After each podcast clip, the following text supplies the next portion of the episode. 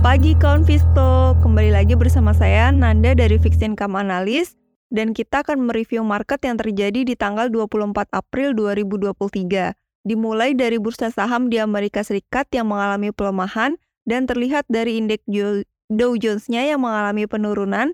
Hal ini juga dikarenakan investor masih khawatir terkait kondisi diskusi antara Presiden Amerika Serikat dengan Ketua DPR yaitu Kevin McCarthy di mana mereka belum menemukan solusi juga yang tepat untuk menaikkan pagutang Amerika Serikat. Nah, di sisi lain juga dari yield US Treasury dengan tenor 10 tahunnya juga mengalami penurunan dikarenakan rilis data FOMC meeting minutes yang terjadi di tanggal 2 sampai dengan 3 Mei ini menjelaskan bahwa The Fed tidak perlu lagi menaikkan tingkat suku bunganya di FOMC berikutnya atau di bulan Juni.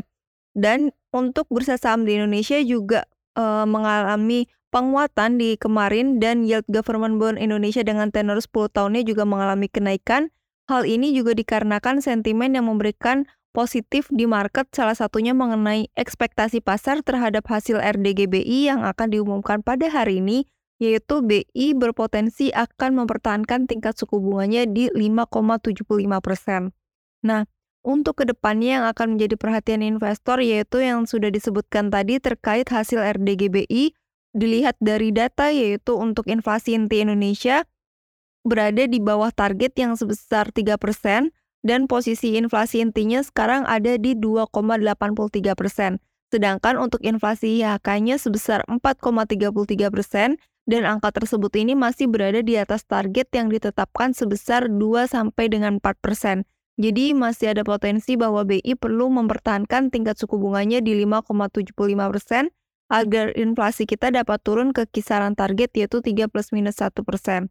Nah, suku bunga acuan BI yang diperkirakan stabil ini juga akan diprediksi akan menjadi penguatan rupiah hari ini, kemudian juga indeks saham di Indonesia juga berpotensi mengalami penguatan dengan bond marketnya juga diprediksi akan naik, sehingga diprediksi uh, government bond yield dengan tenor 10 tahunnya ini mengalami penurunan dan ada di kisaran 6,25 sampai dengan 6,35 persen. Sekian dari saya, semoga bermanfaat. Terima kasih. Investasiku for better tomorrow. Oke, selanjutnya akan KBI mempertahankan tingkat suku bunga acuannya di 5,75 persen pada pertemuan di hari ini 25 April 2023. Investasiku for better tomorrow.